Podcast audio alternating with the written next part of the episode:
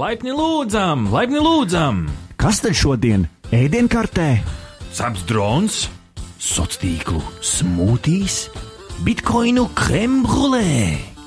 Bet eh, šepavārs Ahtis iesaka mūsu firmas ēdienu - digitālās brokastis.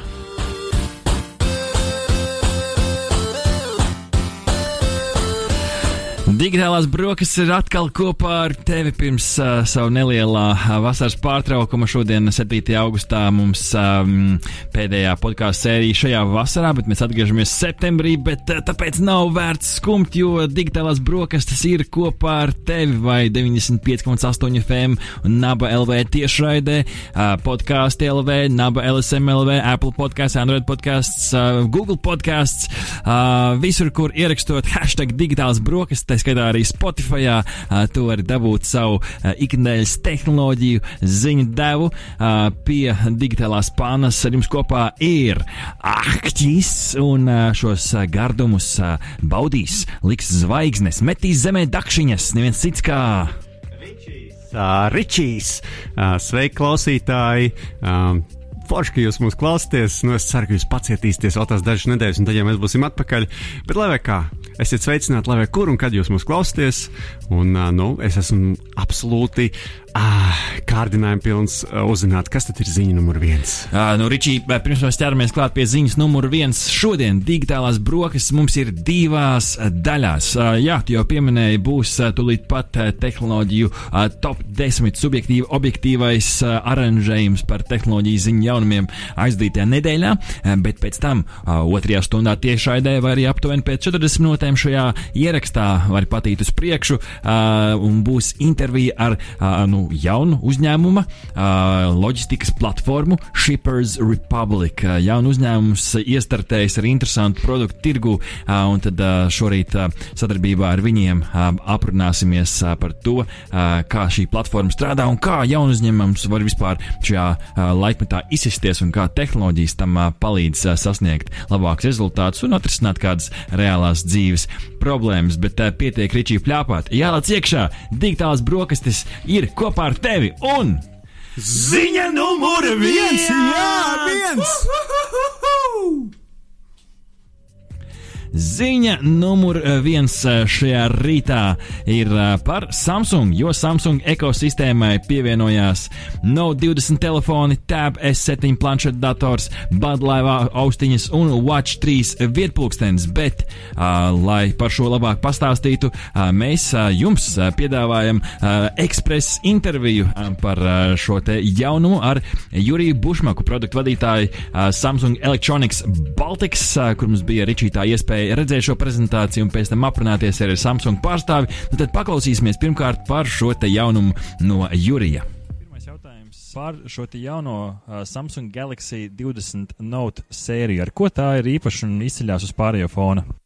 Kā mēs jau minējām, prezentācijas laikā mūsu dzīve pēdējā laikā ir krasi mainījusies, un um, cilvēki uh, strādā no mājām, un viņu teiksim, šķietami tā fleksibilitāte saplūst kopā ar darbu un izklaidi, tad mūsu jaunie produkti spēj um, cilvēkam radīt iespēju apvienot visu vienā.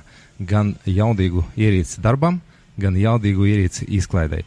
Tā kā nu, šis ir mūsu galvenais uzsvars mūsu jauniem produktiem. Un, ja mēs paskatāmies nedaudz uz tiem tehniskiem parametriem, ar ko tad jaunais Note 20 un Note 20 Ultra izceļas? Mēs kā katru gadu, principā, Note kategorijā ir ļoti zināmā savu S-Pen funkcionalitāte. Mēs uzlabojam gan ekrānu, kas palika 120 Hz refresh rate, tas ir atjaunošanas ātrums, kas ļauj mums padarīt rakstīšanu tik ērtu un tuvu analogai rakstīšanai, kad, principā, tu nejūti vairāk starpības, vai tu rakstīji uz papīra ar reālo pilspālu, vai tu to dari ar S-Pen. Un protams, mūsu sadarbībā ar Microsoft ļauj sinhronizēt visas piezīmes gan datorā, gan planšetdatorā, gan arī tajā Galaxy Note 20 Ultra vai Note 20 smartphone. Tātad tu vari veikt piezīmes vienā ierīcē, izlasīt to citai ierīci, tādējādi uzlabojot savu produktivitāti strādājot no mājām vai kaut kur citur ārpus uh, oficiālā. Nu, redz, kā uh, iepazīstināja mūs ar uh, Note 20 no 20 Ultra. Patiešām šie ir jaunie uh, flagmaņi Samsungam. Uh, abi telefoni, lai gan uh, zem, vienas, uh, zem vienas zīmes, tomēr uh, savā ziņā atšķirīgi. Ja mēs paskatīsimies, ko tie tīri vizuāli, uh, viņu mistiskās krāsas, bronzas uh, veidos vai jebkura cita uh, pieejamā krāsa uh, laistīsies uz uh, diviem dažādiem korpusiem. No 20 uh, nedaudz ar iepaļiem stūriem, no 20 ultra. Nu, tāds izteikts pierastais uh, Note dizains. Man pat gribētos teikt, ka uh, Note 20 vairāk velk uz to S sēriju, uh, Note 20 um, ultra tieši vairāk uz to Note pierasto vizuālo izskatu, bet lai vai kā abiem patiešām klāt ir bulītis, abiem lielie ekrāni, vienam 6,7, otram 6,9, abiem uh, diezgan labas kameras, trīs kameras otrā pusē un baterijas, protams, uh, līdzvērtīgas uh, Note 20 uh, 4300, uh, Note 20 ultra 4500 mAh baterija. Tā kā nu, diezgan jaudīgi piezīmju un arī, es teiktu, visādi citādi noderīgi vietāruņi. Bet, Ričī, tā nebija, tas, ne, tas nav vienīgais jaunums šajā, šajā nu, rītā saistībā ar Samsung, jo viņi bez pieminētā vietāruņa papildināja savu ekosistēmu ar citiem produktiem. Tad par ekosistēmu. Vēl vienreiz, lai jums skan Jurija Bušmaka komentārs. Piedāvā ne tikai vietāluņus, bet arī daudz citas ierīces, veidojot savu ekosistēmu. Un, nu, kā jūs raksturotu jauno piedāvājumu, lai paplašinātu visu šīs ekosistēmas uh, iespējas? Šis, principā, atkal ir ļoti svarīgs uh, mums jautājums, un uh, mēs uh, ilgus gadus strādājam pie tā, lai varētu piedāvāt mūsu uh, klientam, mūsu patērētājiem ne tikai smartphone, bet arī pilno ekosistēmu, kas iekļauj gan planšetdatoru mājās, gan uh, viedierīci, ko var nesāt uz rokas, sekot sporta aktivitātēm, izmantot to kā notifikācijas centru. Un, uh, protams, mūzika ir vēl viens neatverams mūsu dzīves kā, uh, moments, un, un, un mēs arī uh, mēģinājām uzbūvēt šo ekosistēmu ap uh, mūsu patērētāju, lai viņam būtu uh, viss nepieciešamais ikdienā. Tāpēc šis uh, mūsu šī gada launch, uh, man liekas, ir nozīmīgs ar to, ka mēs uh, parādām visus četrus produktus. Uh, mēs to pat saucam par Power of Four, četras jaudīgas ierīces, kas var pilnveidot un dažādot dzīvi mūsu patērētājiem. Jā, nu tā tad uh, Samsung uh, ekosistēma kļūst uh, bagātāka.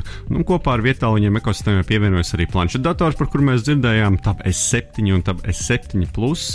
Um, tiem arī līdzbūs ir būs, starp citu, līdzīgi kā, mm -hmm. uh, līdzīgi kā jau telefoniem ar pieminētiem. Parocīgi, starp citu, notestējām, un reāli tā rakstīšanas kvalitāte gan telefonam, gan tabletē ir, nu, nu gluži kā uz papīra. Jā, nu, es teiktu, ļoti tuvu kā uz mm -hmm. papīra, un uh, tāda patīkama sajūta. Uh, man bija iespēja arī uzreiz salīdzināt. Mm -hmm mm. vecāku un nav telefonu. Un tiešām tā atšķirība ir ļoti uh, jūtama. Tā kā nu, ir, ir attiecīgi kompānija ieguldījusies. Um, nu, lūk, un uh, tad uh, attiecīgi uh, vēl divas ierīces uh, audio labāk palīdzēs mums dzirdēt un baudīt uh, Buds Live bezvadu trokšņu slāpējošas austiņas. Viņas tavām ausīm, kam patīk viņas saukt. jā, un man liekas, cūku pupas forma. Tāpēc. Jā, es biju ļoti pārsteigts, ka tiešām ļoti ērti turās ausīs, jo esmu cilvēks, kurš reti kad lieto tādas austiņas, kurš liek iekšā ausī, jo viņas parasti neturās, bet mm. šīs turējās ļoti labi. Un, ja drīkst piebilst, Ričī, nerada to korķu sajūtu, kas man šķita būtiski, jo ir tās, kuras ieiet iekšā ausī.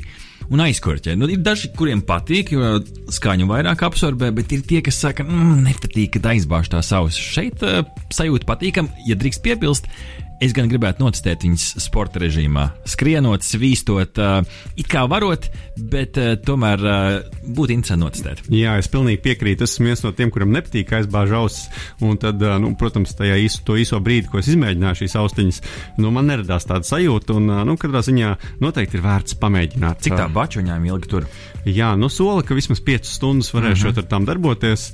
Uh, nu, līdz ar to es nezinu, kuram treniņš varētu ilgt ilgāk nekā 5 stundas. Nu, varbūt kādā pārgājienā ejot, varētu būt uh, kāds, kāds. Bet tur nāk bonusā tā kastīte, jo kastīte nu, arī var uzlādēt. Jā, un tad ieliec austiņas kastītē un, un, un dodies tālāk, palādējot tās.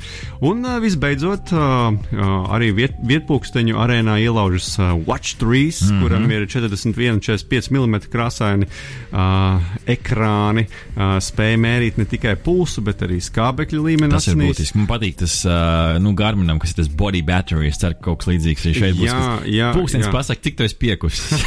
ja pats nezinu. Starp citu, jā, tur tās features ir vairākas, ā, nu, ļoti līdzīgas patiesībā, kā Garminam jau ir pieejams. Mm -hmm. Bet es domāju, tas tikai padara Samsung Watch ā, 3 Ir krāsains konkurētspējīgāku. ekrāns. Tas ir tas, kas ir tieši tā. Un, ā, ja iepriekš bija tā, ka ai, ļoti gribās nu, visus tos smērījumus, tādus precīzākus, nu, tad, ā, lai arī man ir tas Samsung telefons un, un vēl kāds varbūt Samsung produkts, bet ņemšu, ņemšu Garmin ā, pulksteni, ja? tad šobrīd jau tā izvēle būs daudz grūtāka, vai varbūt pat daudziem daudz vienkāršāka, jo, ja tu gribi palikt vienā ekosistēmā, nu, tad būs ā, diezgan ā, spējīgs gadgets arī, arī, arī šajā, ā, šajā te. Um, Jomā, pulksteņu, pulksteņu jomā. Mm -hmm. Nu, lūk, 120 dažādas treniņu programmas, Tas ir labs. Jā, es tie- tieši iedomājos, ir mēs tagad, nu, jākal uz ziemu kaut kas uznāk, un tu nevari aiziet uz to sporta zāli. Nu, tad uh, perfekti, vienkārši pulkstenī uzspied, un viņš tev saka, nu, un tur vibrē un rāda, kā tur trenēties. Uh, šis ir labs. Nu jā, un varēšot lietot pat līdz divām dienām. Nu, tas gan laikam ir šoreiz mīnusiņš tam pulkstenītam, jo iepriekš oriģinālais man šķiet, ka negribu samaloties, bet bija noteikti vairāk par divām dienām. Nu, šis divas dienas, lai gan, uh, nu, kārtējā ierīce, ko vienkārši pievienot uh, lādēšanas galdiņam. Nu jā, un tagad jau arī tās bezvadu lādēšanas visas iespējas pastāv. Uh, nu, lai vai kā, uh, katrā ziņā ekosistēma ir kļuvusi uh, plašāka un, uh, un bagātāka ar ierīcēm. Tā kā izvēlēties, kas jums pašiem interesē. Nu, vienmēr sakot, uh, interesanti kārtēja interesantā lieta, ko izmēģināt. Uh -huh. uh, bet uh, mēs neapstājamies šeit, jo ziņa numur divi! divi. Ziņa numur divi paliekam tajā pašā Samsung lauciņā, un šo man gribējās izcelt atsevišķi, jo, uh, lai gan te jau bija patiesībā nu, četras uh, ziņas vienā, ko mēs varējām stāstīt visu rītu, jums uh, salikām to tomēr kā pirmo ziņu. Otrā ziņa, nu, šoreiz it kā otrā, bet būtu arī īstenībā varbūt pat cienīgi būt pirmā, ir Samsung Galaxy Z Fold 2. Izrunāšu to ātri un atceries. Bet, Es nu, draugiem, draugiem vienkārši saku, nu, tas uh, telefons, kas atlokās kā grāmata. Jā, jo nav jau nemaz tik daudz tādu telefonu, vai ne? Jā, tas gan Samsungs pārsteidz ar savu uh, lokanā vietā ruņa atsvaidzinājumu otro versiju, kur nu, viņi pat uh, prezentācijas pasākumā uh, diezgan uh, interesanti vienkārši paņēma dažādu uh, youtuberu kritiķu teikto uh, un uh, nebaidījās to atklāt, pat parādot, kā cilvēki tur ber iekšā smiltis pirmajā versijā. Nu, tad otrajā versijā, versijā viņš šo centīsies uh, atspoguļot, lai gan uh, ordine, oficiālais šis te prezentācijas pasākums būs 1. septembrī šim vietālunim. Uh, tomēr uh, otrā versija ir pieteikta. Uh, tas, kas ir interesanti, Ričī, šoreiz ir, ka uh, priekšējais ekrāns ir pilnvērtīgs vietālunis. Praktiski tu viņu var neatvērt, lai lietot kā normālu vietālu. Viņš gan nedaudz tāds karanāks ir. Tas gan ir jāizceļ. Nav klasiskais platums. Viņam ir kā jau 6,2 colas liels ekrāns, kas ir nu, Nu, liels. stipri pieklājīgs. jā. Stipri pieklājīgs, bet es teiktu, drīzāk līdzinās nu, platai televizoru pultī, ja mēs gribam Jā. salīdzināt, nekā klasiskam vietālurim. Bet, hei, tu atlok vaļā un 7,6 colu mm, platuma ekrāns. Ko tu ar šo iesākt, Ričī?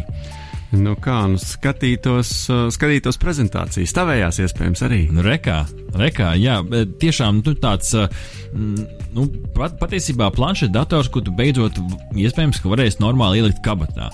Par tām kabatām runājot, kas mums ir kabatā ričī, nu, netīrami. Diegi, smiltis, putekļi. Nu, un tā bija viena no kritikām, kas bija attiecībā uz pilnu, pirmo vietu. Un redzēsim, kā būs uh, šoreiz. Nevaram jums tagad, dārgie, dārgie draugi, teikt, pērciet, jo šis beidzot ir tas, kur viss strādās. Bet nu, viņi sola, ka šos netīrumus atvairīs īpašas slotiņas, kas ir iestrādātas šajā eņģē, eņģē ar nu, neskaitāmām detaļām, bet lokās forši tādā ziņā, ka, ja atcerieties, šī mēs runājam par to Z-flip tālruni, kas atvērās nu, lī, līdzīgi kā vecie flipfoni.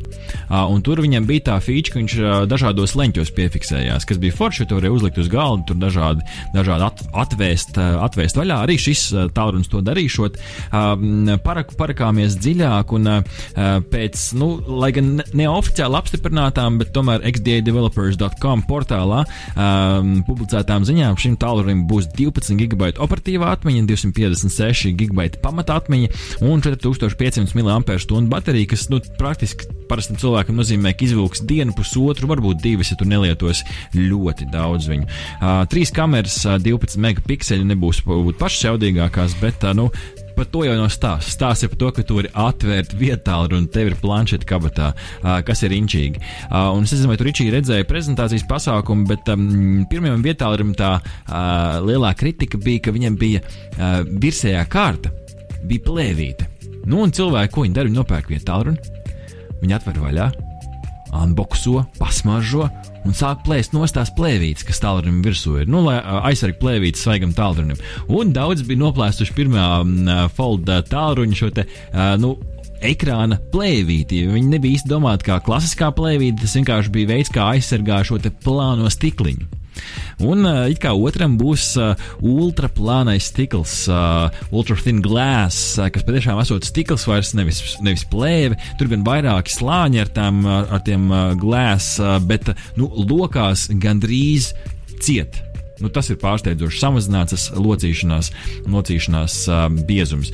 Kā tu skaties uz Ričiju? Ja, es tev tagad iedotu, es nezinu, cik viņš maksās, bet es tev noliktu uz galda uh, naudas žūksni, uh, ko mums redz, visi ir ziedojuši gadu gaitā. Uh, labi, mammas tā nav uh, vēl šobrīd, uh, bet ja es tev noliktu naudas žūksni uz galda un nauda nebūtu faktors, vai tu šo vietālu runu pirktu? Nu, tas ir labs jautājums, jo uh, man vienmēr ir bijis būtisks telefona izmērs. Mm -hmm. Es esmu bijis viens no tiem, kuram gribētu to telefonu tiešām var ielikt kabatā. Negribu normāli. kabatā? Nu, negribu pulti kabatā, jā. Tu jau vari arī, arī atvēst un likt atvērstu kabatā. jā, tādu bišķi ielocīt aizmugurējā bišķi kabatā, tad var tā apsēsties. Uh, bet, bet um, uh, nu jā, vienmēr sakot, izmērs manā gadījumā varētu būt uh, būtisks faktors, mm -hmm. uh, jo es tā ļoti lēnām esmu pierunāts pie arvien lielākiem lielākiem, lielākiem telefoniem. Jāņem vērā, ka šis ir čučur biezāks. Arī, nu, tieši tā, pusēm. tieši tā, tieši tā. Mm. Nu, tad jānopērk vienkārši tā mazākā to sauc cenguru somiņu, un tad jāsteigā ar tādu. Tad es pilnībā saprotu, un tad es domāju, ka arī to mierīgi var darīt.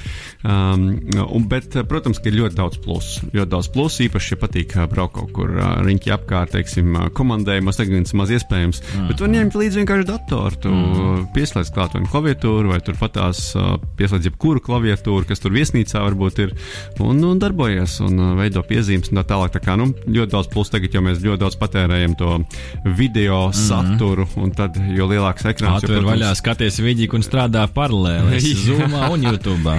Jā, tieši tā ekrāna lielums atļauj. Nu, tā, tā kā daudz interesanti jaunu no Samsung. Ziņa numur 3! Ričī ir jauna paveida sociālais tīkls. Labi, Uh, tas pats vecais Instagram, bet ir nācis klajā ar jaunu feature. Turpat lietotnē nav nekas pat jālejupielādē. Viņi ir pievienojuši jaunu, nu, sauksim to pat par video platformu ar nosaukumu Reels, kas ir nu, tāds uh, tiešs sitiens uh, TikTokam. Jo, ko viņi ir izdarījuši? Viņi ir paņēmuši visas labākās TikTok features un ielikuši tās iekšā savā Reels uh, lietotnes uh, sadaļā. Uh, patiešām video efekti, audio cēliņi, tā pati uh, īkšķa īkšķu darbība, velkot uz augšu, pa labi notiek viss tas pats, tāpat kā TikTokā un Instagramā. Tas jau ir iebūvēts iekšā, līdz ar to automātiski ar jaunāko update tu šo feature dabūsi. Es jau paskatījos, nu, zin kā, bija tik ļoti līdzīgs TikTokam, ka turpat bija video, kas bija pārpublicēta no TikToka uz Reels. Tā kā, hei, nu, kur vēl vairāk uh, ja sista labo āķi kā šādi, ne? Nu, man jau liekas, ka Mēs šo jau prognozējām. Bija, bija. Uh, man mhm. liekas, ka mēs ar tevi jau par to runājām. Atpakaļ, jā. jā, diezgan ilgu laiku atpakaļ. Uh, Tiklīdz man liekas, TikToks iznāca, mēs kādreiz minējām, nu, kuras no tām platformām varētu būt tās, kuras uh, izdara to uh, atpakaļ sitienu. Mm -hmm. Un Instagrams toreiz bija kādreiz mūsu, man liekas, uh, uh, favorīts. Un tas arī, protams, loģiski. Tur vizuālā komunikācija īpaši izteikta. Uh, nu, tā tad es teiktu, ka nu, vienkārši notika tas, ko, tas kam bija jānotiek. mm -hmm. Mm -hmm. jo TikToks, protams, iekaro ar vien lielāku uh, tirgus daļu. Es gan tagad, uh, man liekas, šorīt arī klausījos, ka ASV tur atkal sāk iz, iz, iz... Ne, ne, ne, neizbāzti mūsu gardumus. Aha. Šis vēl mums būs uz priekšu, bet tev taisnība. Jā. Uh, tas nav vienīgais sitiens, mēs par to pastāstīsim nu, pēc brītiņa. Tā, tā. uh, tā kā jā, jauns video, uh, nu, sociālais tīkls platforma, turpat Instagramā Reels varat atrast to, uh, paslā, paslēdzot to Explore sadaļu zem lupas, zem searcha, uh, un tur arī jau Reels video pieejam. Kā, hei, uh, nu, kāpēc gan ne? Uh, tā dara visi. Izdarījis arī beidzot Instagrams. Uh, tava ātrā prognoze. Uh, vai šis palielinās Instagram uh, šo te lietojamību, vai pa lielam nu, paliks tas pats līmenis? Um, es domāju, ka es domāju, ka tas nebūs tik liels izrāviens. Nebūs uh -huh. tā, ka tagad uh, Instagrams pievienos sev tikpat daudz ļaužu, cik lietot TikTok. Uh -huh. nu, tā nebūs. Es domāju, ka varētu būt pieaugums, bet uh, es domāju, ka tas būtu tāds normāls pieaugums, jo visām platformām ir jāattīstās. Uh -huh. Man liekas, katru gadu kaut kas nāk klāt. Mēs uh, dzirdam, nu, teiksim, tur uh, jau senāk atpakaļ parādījās tev story, tad tiem storijiem visādas jaunas features. Mēs, man liekas, ik pa laikam ziņojam uh -huh. par kaut kādiem jaunumiem šajā ziņā. Nu, un tad man liekas, šis ir vienkārši šī gada tāds nu, jaunums, kas vienkārši nodrošinās to izaugsmu tādu, kā varbūt tā ir bijis līdz šim. Nu, tā, tā, kā, tā kā es teiktu, ka tas nebūs milzīgs pavērsiens lietotāju skaita ziņā. Nu, es tev šo pašu jautājumu atļaušos uzdot gan uh, 4. gan 5. šī rīta ziņā, bet par tām, uh, darbie draugi, pēc nelielas muzikālās pauzes. Uh, grupas tiks kaut kas galīgi, galīgi sens, uh, bet uh, jauns skanējums izlaiduši uh, kādu laiku atpakaļ jaunu gabalu, uh, un man šķiet, ka šī uh, viņiem tas viss albuma noformējums tāds diezgan kosmisks. Būs arī mums ziņas par kosmosu šajā rītā uh, digitālajās brokastīs. Nu tad aiziet uh, jaudīgs gabals šim rītam stiks ar gan, gan, gan! Nabrīt! Ziņa numur 4! Ziņa numur 4 šajā rītā. Beidzot, esam izkāpuši no, no viena tēma, no temata, bet turpat arī savā ziņā paliekam, jo, kā jau Ričija teica, šī ziņa saistās ar iepriekšējo. ASV no 20. septembra ierobežos TikTok darbību ASV. Kādā veidā? Aizliedzot veikt transakcijas darījumus ar uzņēmumu ByteDance. Sanāk, nu, varbūt nebūs tā, ka neļaus lejupielādēt, bet, nu, kaut kādas iebūvētās lietas, tur, piemēram, satura veidotāji, kuriem tur citu maksā par kaut kādu video ievietošanu, viņi to gan nevarēšot darīt. Tas ir pēc ASV prezidenta Donalda Trumpa parakstītā rīkojuma, ar kuru viņi nu, aizliedz šīs Ķīnas valdības pāraudzībā esošo lietotni izplatīties, jo nu, nav, nav noslēpums TikToks rulē, visi viņi lejupielādē ar vien vairāk un vairāk, bet ASV uzskata šo par apdraudējumu gan nacionālajai drošībai, ārpolitikai un ekonomikai. Nu, reizē arī to WeChat lietotni viņi piegriezīs ar šo rīkojumu.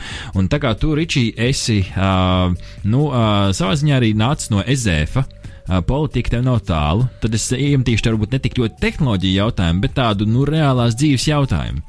Ja reiz ASV uh, pasludinājis šo lietotni par nu, kaitīgu valstī. Nu, tā var būt, vai ne? Kur tev vēl lielāks, lielāks bans? Vai Latvijai būtu jārīkojas līdzīgi? Jā, nu, jāatzīst, ka nu, teiksim, šobrīd tas saspīlējums starp Ķīnu un ASV attiecībā uz tirdzniecību ir lielāks kā starp Ķīnu un Eiropu. Uh -huh. uh, nu, līdz ar to Eiropa mēģina šobrīd droši vien balansēt. Arī Eiropa, protams, ir norādījusi un ir jau pieņemti dažādi lēmumi par, par Ķīnā radītajiem produktiem, ka, tie, ka no tiem vairākiem no tiem ir, ir jāuzmanās. Bet nu, es teiktu, ka tas saspīlējums starp Eiropu un Ķīnu nav tik liels. Jo, protams, nu, teiksim, tirzniecība jau nav tikai zaudējums, tas ir arī iegums. Jo ir valstis Eiropā, tā skaitā lielas valstis, arī Eiropas Savienībā ļoti noteicošas valstis, mm -hmm. kuras ļoti daudz eksportē uz Ķīnu. Piemēram, man liekas, es neesmu paskatījies pēdējos datus, bet Vācija vairāk eksportē uz Ķīnu nekā importē labumus. Mm -hmm. Tas nozīmē, ka nu, viņiem ir liels iegūms no šīs tirdzniecības saglabāšanās. Nu, Vācija ļoti noteicoša valsts Eiropā. Līdz ar to es teiktu, ka nu, ir, ir zināmas atšķirības. Vienkārši Trumpa kungs ir izgājis tādu tādas nu, nesadarbošanās takas ar, ar Ķīnu un mm -hmm. mēģina aizsargāt arī savu tirgu.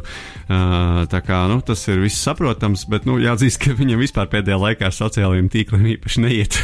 tā, kā, no, tā kā šis tikai kārtējas rindiņā, um, kuram, kuram, ar kuru viņam nav pārāk labas attiecības. Bet, nu, lai vai kā, uh, skatīsimies, kāds attīstīsies, jo nu, uh, mēs jau zinām par Huawei, mēs zinām par, par šo. Nu, jāskatās, kas būs nākamais. Nu, redz, kā, ne tikai tehnoloģija ieskats, bet arī pasaulīgās uh, politikas ieskats arī šeit digitālajās brokastīs. Ričī, tad es uzdodu arī pēc šīs ziņas jautājumu, uh, vai tavuprāt šis uh, uh, ietekmēs kaut kādā veidā Instagram jauno Reels piedāvājumu?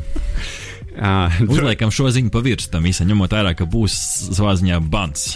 Uh, nu, jā, tur, tur tiešām es neesmu tik liels uh, zinātājs tajā maksājuma tajā uh -huh. padarīšanā, respektīvi, cik ļoti tas ietekmēs influencerus. Uh -huh. nu, teiksim, vai viņi varēs uh, tik un tā uh, apējot to, to ierasto varbūt, ceļu, saņemt atbilstošus maksājumus vai nē.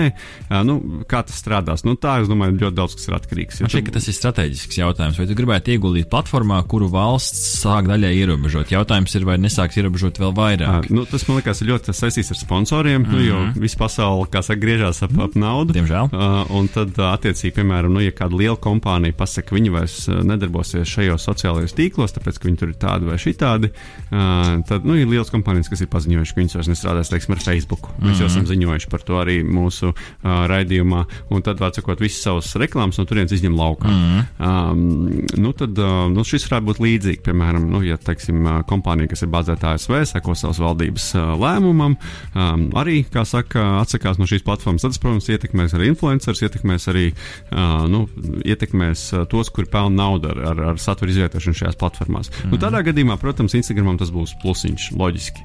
Um, ja tomēr nu, tas tur neiegūs tādu rezonanci, tad, tad uh, protams, atkal būs citādi. Nu, tas būs mans īsais, īsais skaidrojums. Ziņa numur 5. Ziņa numur 5. Microsoft vēlas iegādāties TikTok. Turpinās šī sāga. Patiešām tehnoloģiņām Microsoft ir paziņojis sākotnēji, ka vēlētos iegādāties ASV, Austrālijā, Kanādā un Jaunzēlandē esošās TikTok nu, vienības, sauksim to tā. Nu, viņi ir visu, uzņēmums pa visu pasauli izplaties, viņiem ir šie bāzes vietas dažādās vietās, un Microsoft ir izteicis vēlmi mm, iegādāties tieši šīs. Tad, gan pēc oficiālā oficiāli neapstiprinātām ziņām, Financial Times par šo ziņoja, mm, ka šis vēriens ir izvērties ne tikai uz šīm konkrētajām valstīm, bet uz visu TikTok platformu, kas iet interesanti kopā ar šo te ziņu par Donaldu, Donaldu Trumpu šo te paziņojumu par TikTok banošanu. Tur gan konkrēti tas, ko mēs nepieminējām iepriekšējā ziņā, ir, ka šis te ir, nu, tā skaitā tāpēc, ka ir šī nesasaiste ar ASV. Līdz ar to no TikTok puses šis varētu būt nu, iespējams veids, kā viņi no vienas puses var glābt savu klāta esamību ASV. Ja Microsoft iegādājās to daļu, tad, nu, attiecīgi, transakcijas caur, caur Microsoft viss forši, vai ne? No otras puses, nu, es teiktu, tāds politikas un ekonomikas dubultsitiens. No vienas puses ASV sit ar banu, no otras puses, rekur nu, Microsoft, labi, to varbūt nesauksim par sitienu, bet uh, uh, nāk ar, uh, hei, mums ir uh, risinājums šim banam. Uh, interesanti, ne? Uh, un tagad, Ričī, jautājums tev. Vai šis ietekmēs Instagram Reels popularitāti? Um, nu, protams, es teiktu, ka līdz tam pirkumam droši vien vēl kāds laiks uh, gaidām. Šis, tas, šis ir saruna līmenī, jā, jā, jā, tas, paši tas, jasnī. tas, es domāju, ka tas nenotiks tik ātri. Uh, droši vien tur būs zināms stīvo, jā, un vai vispār notiks. Mm. Um, nu, man tā, uh, tur man tad uzreiz jautājums arī būs par Microsoft kredibilitāti. Uh, jā, lielais M ne visiem patīk. Nu jā, un tad jautājums, vai arī viņi tur kaut kādā veidā nenodara sev, savai reputācijai kaitējumu, ka viņi tur iesaistās darījumos ar, ar visādiem interesantiem ļaudīm. Bet no otras puses, tiešām tās Microsoft, Microsoft pozīcijas tik labi nepārzina, tāpēc man grūtāk komentēt. Bet, lai vai kā, nu, katrā ziņā tas tikai nozīmē vienu. TikToks ir pamanīts, TikToks šobrīd jau, ir uh, sarunu epicentrā, un, un kaut kas tur noteikti notiks. Tā kā nu, es teiktu, ka viņi iespējams savi ir panākuši uh, tik īsā laikā, radot šādu, es teiktu, uh, šādu atpazīstamības vilnu un arī šādu drāmu. Nē, ne? Drāma, drāma, drāma tehnoloģija pasaulē. Ziņa numur 6. Ziņa numurs 6, kā ziņo LSMLV, veiksmīgi beigusies pirmās privātās kompānijas kosmosa misija. Atcerieties, šī stāstījām par to, ka beidzot kosmonauti pacēlušies no ASV ar ASV raķeti, nav vairs jāoutsource. Šis te pakalpojums SpaceX raķeta pat pacēla gaisā Bobu Benkenu un Douglasu Hērliju uh, uz starptautisko kosmosa staciju, uh, un uh, viņi ir beidzot veiksmīgi iekrituši atpakaļ Meksikas līcī Endeavour uh, šajā te kapsulā. Nu, redz, kā rečī, izlidoja un ir atpakaļ. Nu, es domāju, nākamais līmenis varētu būt, ka tu vienkārši iekrīt Meksikas līcī bez kapsulas. Oi. Sāpīgi. Nē, nu tā, ka tev iemet tik patīkami, ka tur tādā Meksikas līča piekrastē iekrīt un tev uzreiz kokčiks vienā rokā un, un, un Jā. pelbiks mugurā un tā, un tu pareizi patiešām esi uz sērdēļ. Tas būtu nākamais līmenis SpaceXam, kas jāizdomā. Taisnības labad kapsula neiekrita kā akmens ūdenī. Viņai bija četri Liela kas piezemēja to kritienu, jo nu, kritiens ūdenī tas tāpat kā atsisties pret zemi praktiski. nu, jā, un es reiz arī redzēju SpaceX īpašnieku tvītu, kurā mm -hmm. viņš rakstīja, Ko viņš teica? Veiksmīgi piezemējies. À, nu tā, Nu tā- nopūt puteklīt no pleca. Un, jā, jā, neko garu nerakstīja vienkārši. Veiksmīgi Es domāju, ka viņam nav gari jāraksta. Viņa vietā runā darbi, tā teikt. Bet, ja mēs paskatāmies uz to lielo bildi, ko tas nozīmē, tas praktiski nozīmē to, ka man šeit, ka maisam gals būs vaļā. Jo mums ir jāskatās uz šo uh, lielajā skatā. Lielais skats ir Mars. Sākumā mēnesis, no mēneša uz Marsu. Un šie visi, visas šīs ziņas, ko mēs stāstām digitālajās brokastīs katru piekdienu par šiem kosmosa sasniegumiem, kas praktiski notiek katru nedēļu. Tur jau ir pacēlusies raķete, zondes un tā tālāk. Tas viss iet uz to, lai mēs kolonizētu Marsu. Sauksim to tā, tālajā vīzijā. Bold, bold Vai ne? statement. Nu, redz, un šis te viens lidojums ar šo te privātās raķetes kapsulu, tas nav tikai stāsts par privātā sektora ielaušanos šajā kosmosa industrijā. Tas ir stāsts par to, ka viņiem vairs nav jāoutsourcē, nav jāmaksā svešām valstīm, jālido no svešām valstīm. Nu, savā ziņā tas ir tāds politikas jautājums. Ir. Ja mēs paši varam izdarīt, nu, tad. Uh, Nu jā, un vienmēr sakot, iespējas ar vien vairāk mm. parādās visām valstīm, arī privātajam sektoram. Mm. Un es būtu droši vien pieticīgāks. Es teiktu, ka plašākā bildē uz šo skatoties, privātais sektors ir pierādījis, ka viņi Nu, var gan. cilvēku uzgādāt augšā un atgādāt atpakaļ. Uh, visa pasaule to tagad ir redzējusi. Es teiktu, ka drīz, nu, neprognozēju šī gada laikā, bet mm -hmm. varbūt pat jau nākamajā gadā mums būs uh, turisti, uh, pirmie turisti, Iespējams. uh, kuri varētu doties uh, ārpus, uh, nu, teiksim tā, kosmosā. Nu, protams, tas nebūs tur tik augstu vai kā, bet kosmosā. Nu, tā, tā kā es, es to skatītos šādi, bet, protams, lielajā bildē tālākā nākotnē skaidrs, ka tas būs arī uh, ceļš tālāk uz mēnesi un, un tā tālāk. Mūsu dzīvē noteikti uz mēnesi atkal būs cilvēks. ziņa numur septiņi. Ziņa numur 7.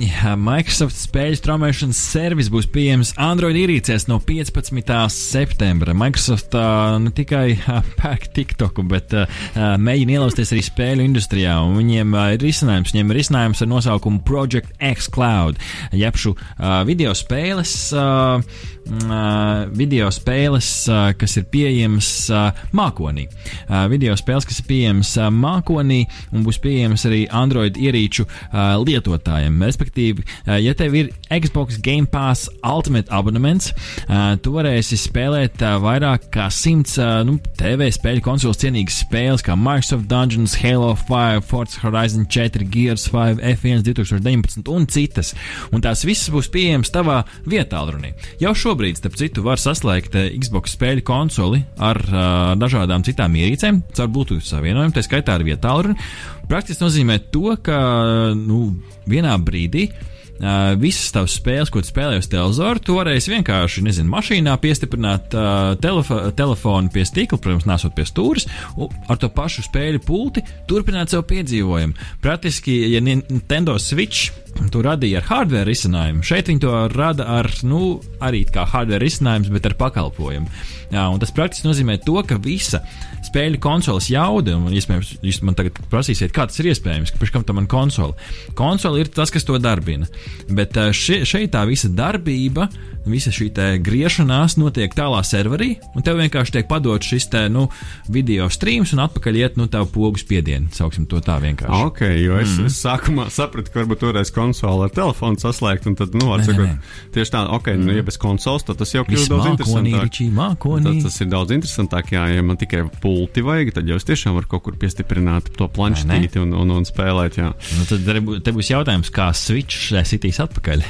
Jā. Tur jau bija tas viss iebūvētais uh, tehnoloģijas stāsts, ka tev ir uh, lieta, ko tu vari pieslēgt pie televizora, izņemt ārā, nesāt līdzi, pielikt klāt tos joysticks Nintendo Switcham. Nu, šeit praktiski pašam vairs Switch vajadzīgs. Ir. Tev ir pirmkārt uh, visas tavas mīļākās spēles un konsoles cienīgas spēles. Mēs nerunājam par kaut kādām mazām versijām, tur vienkāršotām. Praktiski visa reālā spēle ir šeit, un tavi save faili, starp citu, tu spēli pieglabā. Un pēc tam turpināt spēlēt vietā. Mm, tā kā mm. šis ir uh, interesants, un man noteikti gribēsies to izmēģināt. Nevarēsim gan Latvijā ar pirmo vilnu to pamēģināt. Uh, sākumā Latvijā tas vēl nebūs pieejams, bet uh, nu, tas jau ir tikai laika jautājums. Jā, nu es varēšu tagad te uzspēlēt, jo man nav konsoles. Es varēšu mājās uzspēlēt Nu, ar tevi hoķi. Arī Super. paši. Uh, paklausīsimies nedaudz Mārtis Asinis, uh, un tad atgriezīsimies digitālajās brokastīs.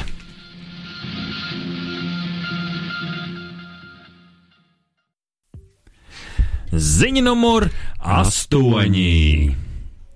Ziņa numur 8. Ķīnā izstrādāts plaukstas lieluma dators, ne pavasaris. Uh, Tehnoloģija uzņēmums XCY izveidojis aptuveni 6 cm lielu personālo datoru, ar kuru būšot iespējams veikt ikdienas darbības. XCY dators nāks ar 2,4 GHz Intel Celeron 4 kodola procesoru, 8 GB operatīvo atmiņu, 128 GB cieto disku, un tā būs HDMI ports, USB-C, uh, 3,5 mm audio, 2 USB. Uh, viņam būs pat Microsoft micro SD karšu lasītāja iespēja. Viņš uztvers Wi-Fi un Bluetooth, un tas viss sver tikai 121 gramu. Un tas jau, starp citu, ir pieejams AliExpress veikalā. Apskatījos, nu, cena gaužā maziņa. Tā kā, hei, ja tu gribi paeksperimentēt, tev ir kāds, nu, 100 eiro liekas saistīts kaut kur mētājs, un tev vajag datoru, ar kur tu, nezinu, vari pabrauzēt internetā, uzrakstīt kādu Word dokumentu, varbūt nostīties kā YouTube video. Es teiktu, ka šis ir labs ķēriens. Izmēģiniet un dodiet ziņu arī mums, kā jums sokās XCY plaukstas lieluma dators. Ziņa numur 9. Ziņa numur 9 tepat no Latvijas mikrotika un uh, LMT kopīgi izstrādājuši jaunu jaudīgu rūteri. Uh, Rūteris pilnībā izstrādāts un ražots Latvijā, tā izmantots jaunākās paudzes tehnoloģijas, kas savienotas ar iekārtām un nodrošinās lielāku internetu ātrumu. Rūteris nodrošinās maksimālās lejpielādes ātrumu 1,2 uh, gigabiti sekundē, bet uh, augšpielādes 150 megabiti sekundē. Ziņa numur 10. Jā, nu, Microsoft Teams sapulcē varēs pieslēgties līdz 20,000 cilvēku. Šausmīgi daudz, kuram gan vajag tik milzīgu sapulci. um, bet izrādās, ka nu, lieliem uzņēmumiem vajag, iespējams, kādiem lieliem pasākumiem tas varētu noderēt, bet tiklīdz būs vairāk kā 1000 cilvēku, tā šī sapulce būs view-only režīmā. Bet, lai kā, Microsoft Teams piedāvās šādu iespēju, uh, arī interesanti, un droši vien arī tam atradīsies savs pielietojums. Digitālā brokastis saldējas ēdiens sadarbībā ar Shippers Republic. Šodien parunāsim par šo jauno platformu Shippers Republic, kur izveidojas Latvijas jaunu uzņēmums Fortuna Nostra, kas piedāvā tiešaistas rīkus kravu pārvadājumu organizēšanai. Platforma dod iespēju kravu nosūtītājiem bez starpniekiem sadarboties ar kravu pārvadātājiem. Tehnoloģisks risinājums digitālajās brokastīs, un šajā rītā mēs Radio Naba studijā laipni lūdzam platformas dibinātāju Rihardu Avaratu. Labrīt, Rihard! Labrīt! Sveicam tevi Radio Nabas studijā un ar lielu prieku parunāsim ar tevi gan par to, kāds ir šis te jaunu uzņēmumu dzīves cikls Latvijā mūsdienu apstākļos, gan arī par šo te digitālo platformu. Ā, ķeramies vērsim pie ragiem. Ko saka Rihards? Jā, Aiziet. absolūti. Redz, mums ir divi Rihardi. Starp citu, varat arī mūs ā, skatīties Radio Nabas ā, Instagram ā, live plat, feedā tieši šobrīd, tā kā varat arī pieslēgties. Rihards arī ir redzams tur. Uzminiet, kurš, nu, to jūs redzēsiet live feedā. Labs ir, ķeramies klāt, parunāsim nedaudz par to jaunu uzņēmumu pusi. Ā, ar ko vispār ir jāsāk jaunu uzņēmumu. Ar ko sākāt jūs? Uh, ideja, komanda, kā jūs to visu sākāt? Um, pie manis tas viss atnāca um, vairāk kā problēma. Kā problēma? Kā problēma Sāk ar jā. problēmu. Es sāku ar problēmu. Um, loģistikas lauciņš, kurā, kurā platforma ir izstrādāta. Uh, šajā lauciņā es darbojos gadus 8, 9 jau. Tā kā, jā, tā problēma pie manis atnāca pat no sevis. Un tad, kad ir problēma, Gribēju kaut ko sūtīt. Uh, gan, gan. Es gan. esmu strādājis abās pusēs, gan mm. -hmm. kāds, kurš meklē tā kā pakalpojumu, gan tas, kurš piedāvā pakalpojumu mm. -hmm. un organizē un plāno. Un, um, jā, un, un, un atnāca tā problēma pie manis. Sapratu, ka uh, tas, kā tas notiek šobrīd, uh, tas tā, tam tā nevajadzētu būt. Un tad laika gaitā sākām, sākām strādāt un izstrādāt risinājumu, kas atrisinātu un sakārtotu loģistikas ā, lauciņu. Mhm. Noteikti vēl, vēl izrunāsim arī to detalizētāk, jo man arī ļoti interesē, nu, tad, kā tas īsti strādā. Bet par tiem sākumiem, nu, tad attiecīgi bija problēma. Tad tika meklēta arī komanda, kas palīdzēs uh, to problēmu atrisināt, uh, vai nu, viens pats cīnījies uh, kādu laiku ar šo. Ā, Man bija tā, ka ā, gandrīz divus gadus ā, viens pats cīnījos. Aha. Kad biju viens pats, ā, jo nu, finanses viņas bija tik, cik viņas ir, un, un lai izstrādātu to visu, tas, protams, maksā. Un, ā, tāpēc man sākumā nebija iespējas uzreiz ap sevi salikt apkārt ā, spēcīgu komandu. Mm -hmm. Tas, ar ko es sāku, es sāku ar ā, citiem paralēliem biznesiem, lai ā, sapelnītu produktam. Mm -hmm. Aha, lieliski. Un uh, tad, uh, teiksim, kāds bija tas uh, pašas idejas attīstības process? Nu, teiksim, uh, cik daudz uh, bija tā, ka bija tik labi izstrādāts tas risinājums tai problēmai, ka ar pirmo arī, kā saka, aizgāja, vai nu, tika mēģināts, darīts, un tad, teiksim, atkal bija kaut kāds, nu, teiksim, kaut kāda ideja neizgāja, tad atkal mēģināja jaunu. Kāds bija tas process tavā gadījumā? Uh, manā gadījumā tāds process bija tāds, ka viens no maniem blakus biznesiem, kamēr es taisīju to sistēmu, es kā strādāju arī kā transporta plānotājs. Es plānoju, un, un, un tāds bija mans tā kā, primārais bizness. Un um, sākumā tā ideja vispār bija tāda uztaisīt uh, mazu web platformu, uh, caur kuru es varu komunicēt ar saviem klientiem, uh, lai klienti, kas izmanto mans pakalpojumus, var ērti, teiksim, um, nodot visu informāciju man, kas man ir vajadzīga. Un uh, tāds bija mans tas primārais. Un tad jau, protams, sākā apaugt uh, klāt visādas mm. features klāt un, un, un, un tā tālāk.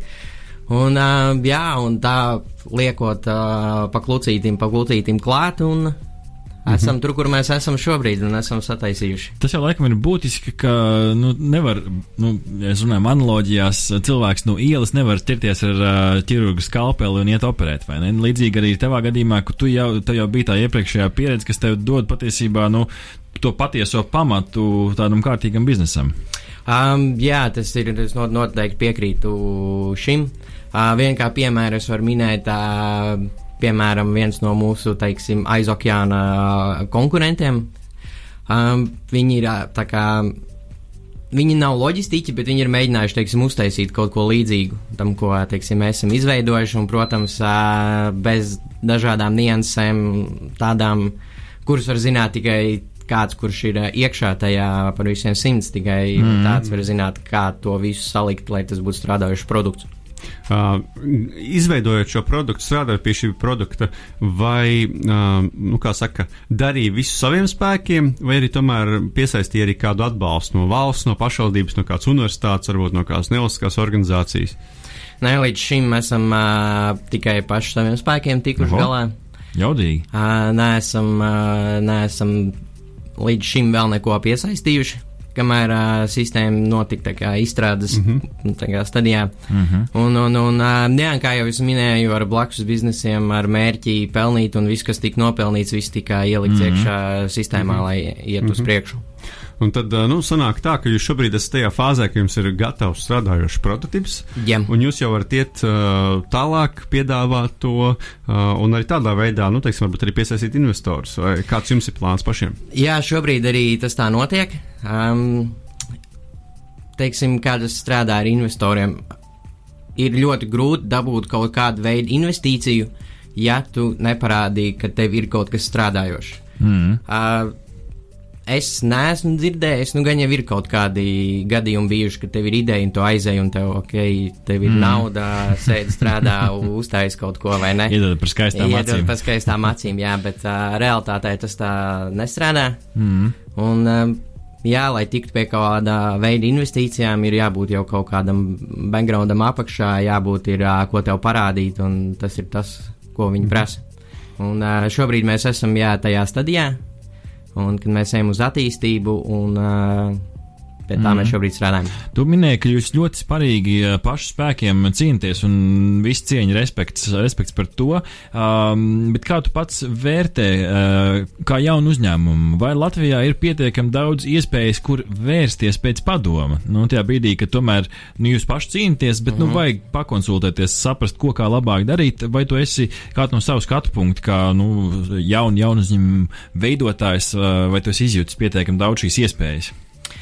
Um, kā jūs minējāt, kaut kādu pusotru gadu vispār bija viens pats. Uh -huh. Strādāju, un tad es uh, nonācu pie uh, tādas sajūtas, kad es sāku izdegt. Uh -huh. Kad tu esi viens pats, tev ir lēmums šāds jāpieņem, lēmums tāds jāpieņem, un tu, tu saproti, ka tas tevi morāli smeļ ārā. Uh -huh. Un uh, man ļoti, ļoti palaimējās, kad es satiku savu esošo partneri Edgars. Uh -huh kurš man ir super atbalsts ar, ar, ar, ar lielu pieredzi uzņēmējdarbībā, finansēs un, un, un, un, un tā. Un uh, viņš man ļoti palīdz. Bet uh, līdz es viņu satiku, man bija tiešām grūti, mm. jo um, es neuzskatu, ka es varu paņemt no cilvēka padomu loģistikā, kurš neko nesaprot no loģistikas. Mm -hmm. Un, nu, labi, tur biznesa vadības vai finanšu vadības mm. kaut kāds jautājums, ok, tur var pakonsultēties, bet tā specifiski mm -hmm. diezgan nereāli. Jautājums arī vispār Latvijā ir kāds, no kā tu šādā platformā var paņemt padomu. Jūs esat diezgan unikāli, vai ne? Mēs esam, jā, mēs esam diezgan unikāli un uh, padoms, uh, visi, visas domas dzimst galvā. Nav, tā, mēs darām tā, kā mēs uh, uzskatām, kā vajag darīt.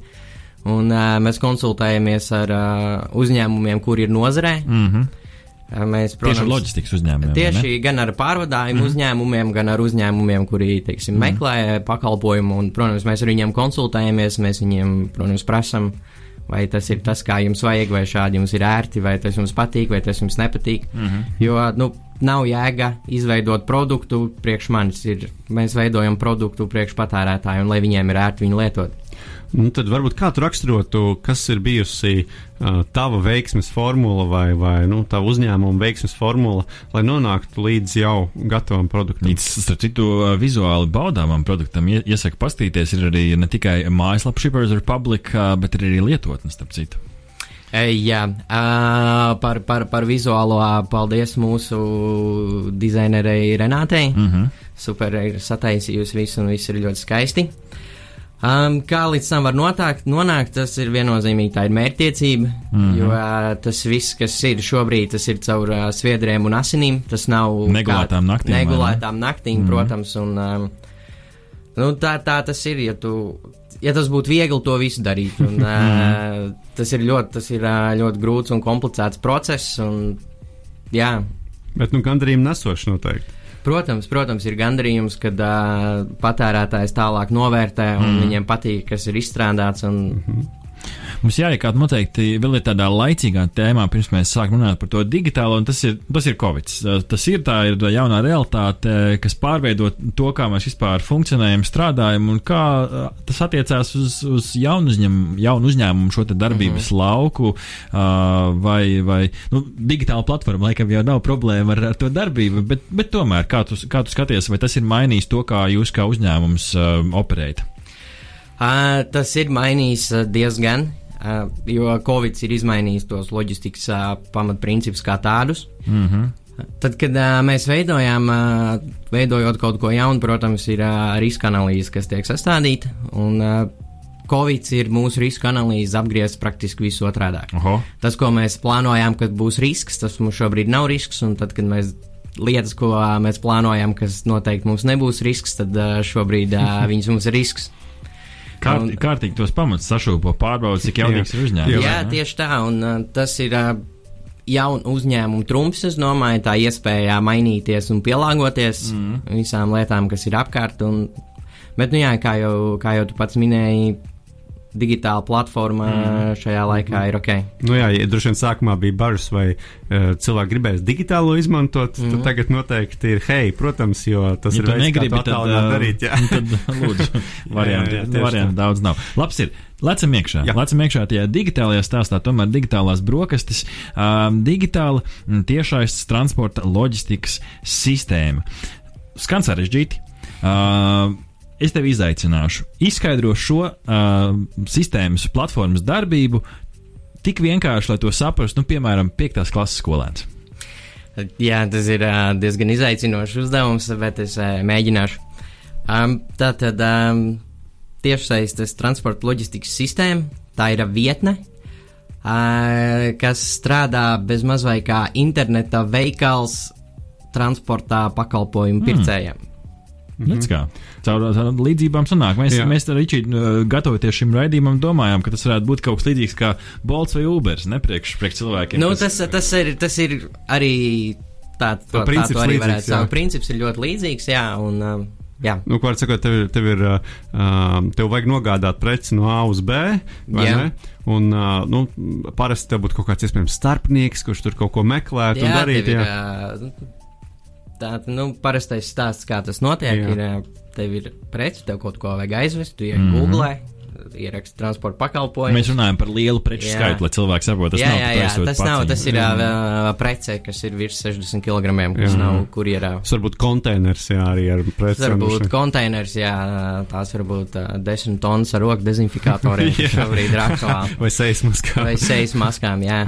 Un, uh, jā, tad uh, viņi iet Google sameklē kaut ko, kas visticamāk ir starpnieks, un tad tā kā iziet uh, caur vienu, otru, trešo, ceturto, Jā. un to es pārmaksāju jau reizes mm. 50, un beigās tu nesaproti, kur tev krāva ir. Un jūs piedāvājat platformu, kur patiešām satiekās tam, kuram vajag kaut ko nogādāt, un tie, kuri ved preces. Tieši tā. Mm -hmm. nu, okay. lūk, un tad, attiecīgi, tur ir iespēja, kā saka, mm -hmm. to visu norganizēt uh, maksimāli īsā laikā, droši vien, un arī, jā, kā saka, bez, bez e-pastiem, bez telefonu zvaniem ar iespēju izsekot, uh, skatīties okay. līdz kartei, kur atrodas mans vedums. Tā izklausās, izklausās, ka to problēmu ļoti labi risina, bet uh, kuram šī problēma uh, eksistē? Kas ir tā jūs, varbūt, mērķa auditorija, uz ko jūs strādājat tieši?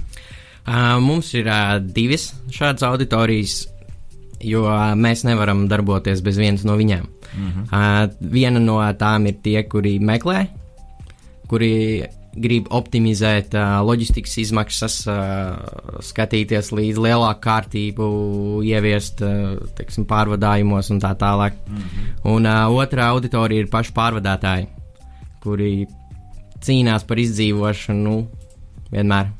Mm -hmm. un, un, un mēģinam viņiem palīdzēt. Un, pataisīt viņus um, neatkarīgus no citiem, mm. lai viņi paši var uh, strādāt, paši var plānot uh, savus mašīnas, darbus, mm. laikus. Okay.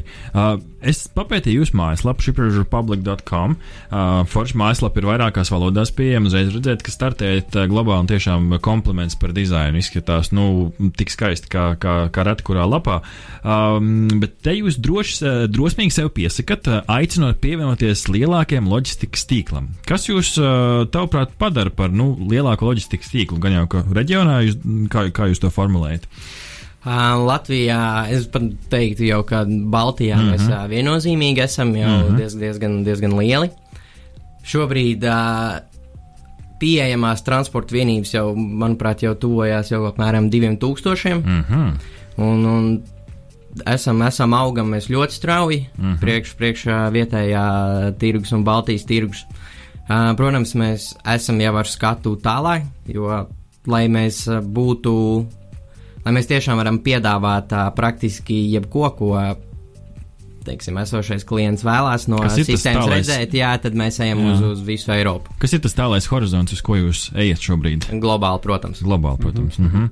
um, un, ja mēs parunājam par šo plašu, pašu platformu, kas varbūt ir tie pakalpojumi, ko sniedzat uh, nosūtītājiem, tiem, kam, uh, kam vajag sūtīt? Kas ir tas, ko viņi var caur šo platformu izdarīt?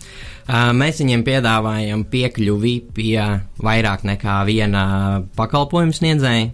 Mēs viņam piedāvājam pašam izvēlēties cenu, nevis darboties un darīt ar to, ko viņam piedāvā.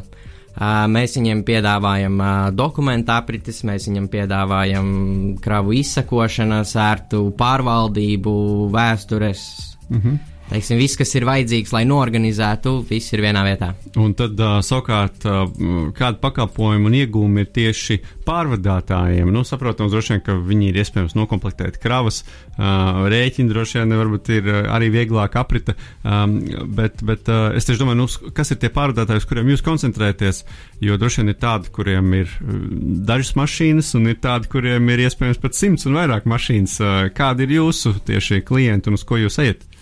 Teiksim, pārvadātājs, kuram ir viena mašīna vai kuram ir simts mašīnas, mēs viņus atsevišķi nešķirojam. Mm -hmm.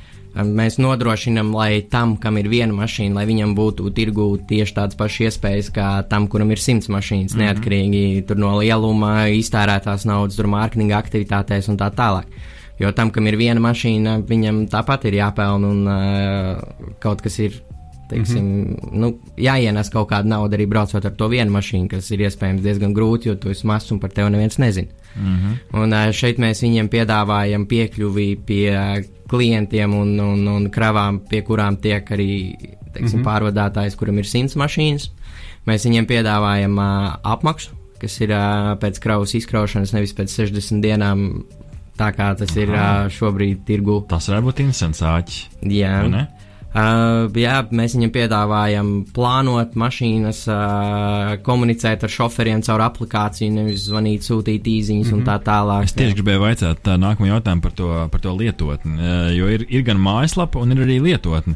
Kas ir tās varbūt atšķirības uh, platformas pie nu, tiem pakalpojumiem? Viņš ir tieši viens pret viens vai tur ir, ir kaut kādas atšķirības tomēr?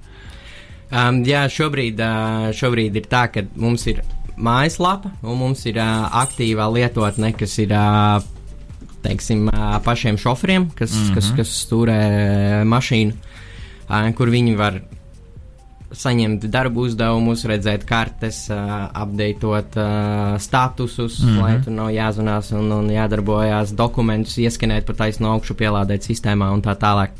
Bet tuliņ, tuliņ mēs laižam arī ar uh, mobīlo aplikāciju, kas ir tieši priekšlietotnes, un tas būs praktiski viens pret viens pret uh, sistēmu, mm -hmm. pret web bāzēto sistēmu. Fantastiski. Varēs organizēt jā, visu loģistiku tikai caur telefonu. Jo es klausos un es saprotu, ka Uh, nu, šis tiešām ir pielāgots uh, tiem cilvēkiem, kas ar to loģistiku nodarbojas.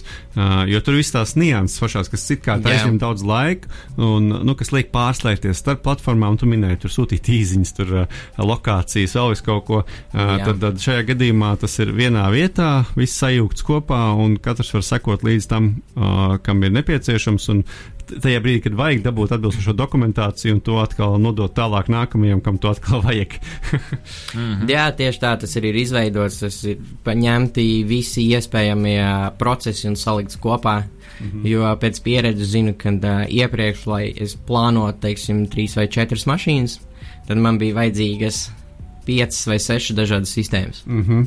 Mm -hmm. Ja mēs atgriežamies pie tā laicīgā jautājuma, esošo uh, kārtību uh, COVID, COVID laikā un kaut kādiem ierobežojumiem, kā varbūt šī platforma um, darbojas, strādā, varbūt kaut ko risina uh, no, no, no šiem nu, jaun, jaunajām problēmām ar pārvietošanos.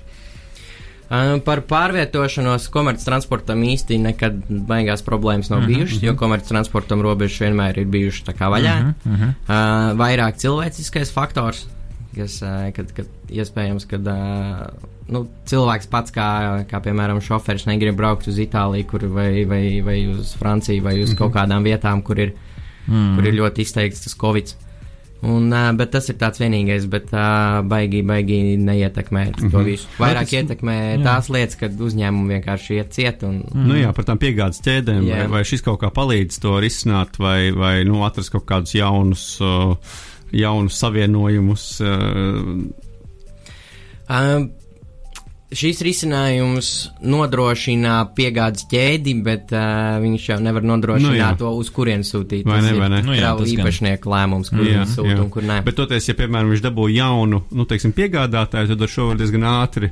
Uh, ar šo var diezgan ātri atrisināt pārvadājumu mm. procesu, jā. Mm. Mm. o, varbūt te ietie noslēdzošajā sarunas fāzē mums vienmēr patīk uh, paskatīties nākotnē un pafantazēt. Mm. Uh, kā, Rihard, no tavas skatu punkta, kāda ir tā loģistikas nākotne, uh, nu, populāri uh, trendu vārdi, tur blokķēdes uh, un, un tam līdzīgi, uh, vai, vai visu nākotnē vispār varēs uh, atrisināt bez neviena cilvēka kontakta, uh, kā tu skaties uz loģistikas nākotni un, un uh, kā varbūt uh, tava platforma šajā visā ieguļās?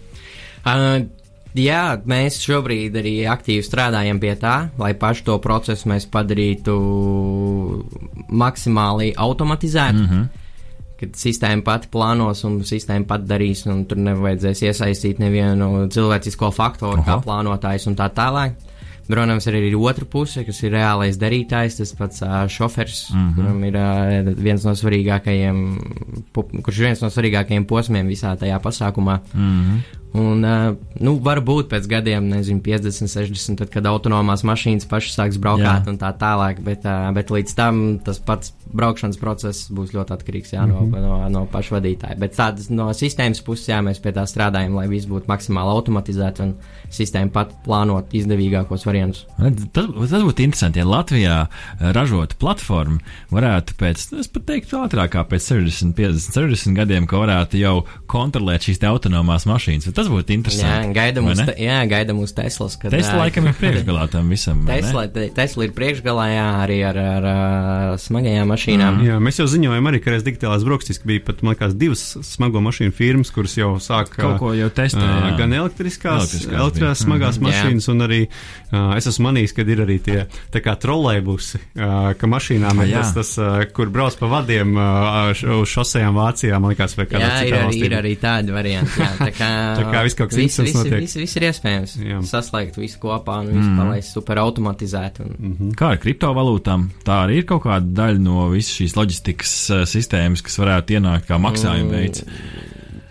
Mēs baigi, baigi neskatāmies uz tām mm -hmm. kriptovalūtām. Varbūt kaut kad nākotnē, kad pārāk riskanti. Būs, ne pārāk, no vienas puses arī pārāk, pārāk, pārāk, pārāk riskanti, jā, mm -hmm. jo nu, kriptovalūtas nav valūtas, ko šobrīd teiksim, izmanto mm -hmm. mūsu mērķa auditorija. Mm -hmm. Varbūt tad, kad tas viss nostabilizēsies un valstīm būs pašām savas uh, kriptovalūtas, mm -hmm. un, un, un kurām būs kaut kāda stabila vērtība, nevis uz mm -hmm. augšu, uz leju katru mm -hmm. mēnesi, tad varbūt.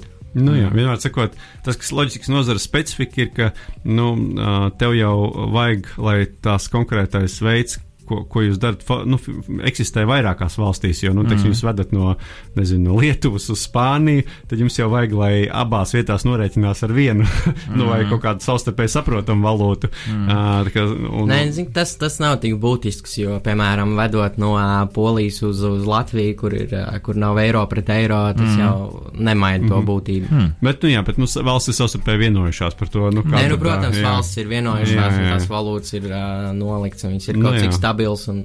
un tāpat arī, teiksim, ja arī tās autonomās mašīnas ieviesīs, piemēram, Nīderlandē, kur jau tagad ceļos iebūvē kaut kādus sensorus, lai mm -hmm. tur mhm. varētu uh, kaut kad nākotnē to visu izmantot. Mm -hmm. Un tādi sensori nebūs droši vien tik drīz kādā citā valstī. Jā, tad, uh, nu, tad, nu, protams, jā, un tāpēc. Uh... Tāpēc mēs esam globāli un mm, mēs to mm. darām un, un, un, un, un, un testējam tur, kur mm. infrastruktūra teiksim, atļauj, at, atļauj to darīt. Vēl viens futuristisks fantāzija jautājums no manas puses. Ja mēs skatāmies uz citām, nu, iepriekš pieminētām, ko tas pats Bolts, ja, viņa, tas, ko viņi dara, ne tikai nodrošina šo cilvēka, nu, tādā gadījumā preces nokļūšanu no punkta A uz B, bet viņi arī iesaistā, nu, kurā, kurās valstīs tas ir atļauts, autonomus šoferus šajā visā stāstā. Vai Shippers Republic kādu dienu varētu būt vieta, kur, hei, ja man ir smagā mašīna, esmu gatavs braukt, vai es varētu kļūt par uh, Shippers Republic uh, autonomo uh, loģistikas uh, ekspertu braucēju? Tālbraucēju. Jā, tā tas arī šobrīd notiek. Ah, tas notiek tā. tā tas arī šobrīd notiek. Mm. Jo, Redz, kā ir, es ir, gribēju par jā. nākotni, patiesībā tas jau ir tas, reāli. Tas jau ir reāli, tas arī tā notiek, jo ir ļoti daudz uzņēmumi un uzņēmēji, kuri ir mazi startā mm -hmm. fāzē, kuriem ir viena mašīna, viņš pats ir uzņēmuma vadītājs, viņš pats ir šoferis, mm -hmm. viņš uh, pats ir finanšu plānotājs. Un uh, tādi pie mums arī brauc. Aha. Ir tādi, mm -hmm. kuri, teiksim, iet prom no uh, starpnieku uzņēmumiem, kur viņš ir bijis vienkārši starpnieks un saņēmis kaut kādas mm -hmm. uh, niecīgas naudas par to, ka viņš ir braucis zem kāda. Un uh, nāk pie mums tādi, jā, kuri ir gatavi beidzot stāties paši uz savām kājām un saņemt to, cik viņi ir pelnījuši, nevis to, kas paliek pāri. Redz, saņemt uzreiz. Šis, šis ir ļoti interesants aspekts, jo, nu, protams, ir tie lielie, kuriem ir daudz, tur liela flote ar, ar, ar smagajām mašīnām, bet ir tādi tiešām, kā tu stāsti, kuriem ir savs, Jā. uh, savs uzņēmums uztaisīts ar vienu mašīnu un paši arī uh, gan, gan, gan boss, gan, gan šofērs vienā Jā, personā. un ir ļoti, ļoti daudz. Mm -hmm. Jo uh, statistiski paskatoties, vidēji transporta uzņēmums ir vidēji apmēram ar piecām mašīnām. Tas Jā, ir tāds tieši vidējais tā. rādītājs. Mums jau tikai daži tie ļoti lielie ir, man liekas, tur kaut kādi kreisi un tā tālāk, kuriem ir daudz mašīnu. Nu, kreis varētu būt uh, vienīgais tāds lielākais Latvijā. Mm, jā, jā, jā. tādi pārējie zināmie ir tādi, kas tur braukā ar, ar savām piekabēm un tā Mm. tālāk. Uh, viņiem nav pašiem savs transports, Mm, viņi ir vienkārši mm. arī kā starpnieki. Nu, jā, tā kā lieliski, jo, nu, kā saka, kādam var būt simts mašīnas, bet tad pietrūkst tā 101. un te ir lielisks veids, kā uzreiz uh, pielikt kā. klāt un, un to visu sakombinēt. sakombinēt. Nu, redz, kā paldies tev, Rihard, par aizraujošu rītu sarunu, par iespēju mums ieskatīties otrā pusē šai digitālajai platformai Shippers Republic, ieskatīties tam, kā strādā vispār nozara, un uh, katrā gadījumā mēs no mūsu puses tev vēlam tikai veiksmi panākumus un, un jaunus investorus platformas izaugsmē. Man šķiet, ka sākums ir ļoti veiksmīgs. Ir, jums ir gan, ā, gan zināšanas no nozares, jums ir jau platforma, kas ir gan vizuāli, gan ā, tic arī funkcionāli labi strādājoša. Un, ā, Jums jau ir tirgus gal galā. tirgus, vai ne? Un, ir tirgus, un, ir, un jā. ir, tā iespēja. Tā kā, paldies, tev, Rihard, par sarunu šajā rītā digitālo brokastu podkāstā. Dāmas un kungi, Rihards Avrats, Shippers Republic dibinātājs. Jā, lai tas jūs iedvesmo klausītāji arī pašiem uh, uzdrīkstēties un īstenot kādu savu, varbūt, uh, mērķi, atrisināt kādu savu problēmu. Jā, un varbūt nobeigumā pateikšu, ka, uh, ja nu klausās kāds jauns uzņēmējs un, un, un ir jautājumi, teiksim, ko darīt un kā labāk darīt, tad uh, var droši ar mani sazināties. Un, ja spēšu atbildēt uz viņu jautājumu, tad noteikti atbildēšu un uh, palīdzēšu no savas pieredzes. Kāds ap citu var tevi atrast uh, caur uh, Shippers Republic mājaslapu? Uh, caur Shippers Republic mājaslapu nē, bet man var atrast uh, Facebookā, mm -hmm. man var atrast uh, LinkedInā. Ah, nu redz, kā Rihards uh, Averets uh, meklējot super. Paldies, uh, šī noteikti iespēja, ko iesaka izmantot cilvēks, kurš jau ir izgājis cauri savām ugunskristīvām. Jā. Uh, tā iespēja parunāt ar viņu. Paldies! Uh, to arī mēs noslēdzam digitālo brokastu saldu ēdienu. Līdz nākamajai piekdienai! Visu labu!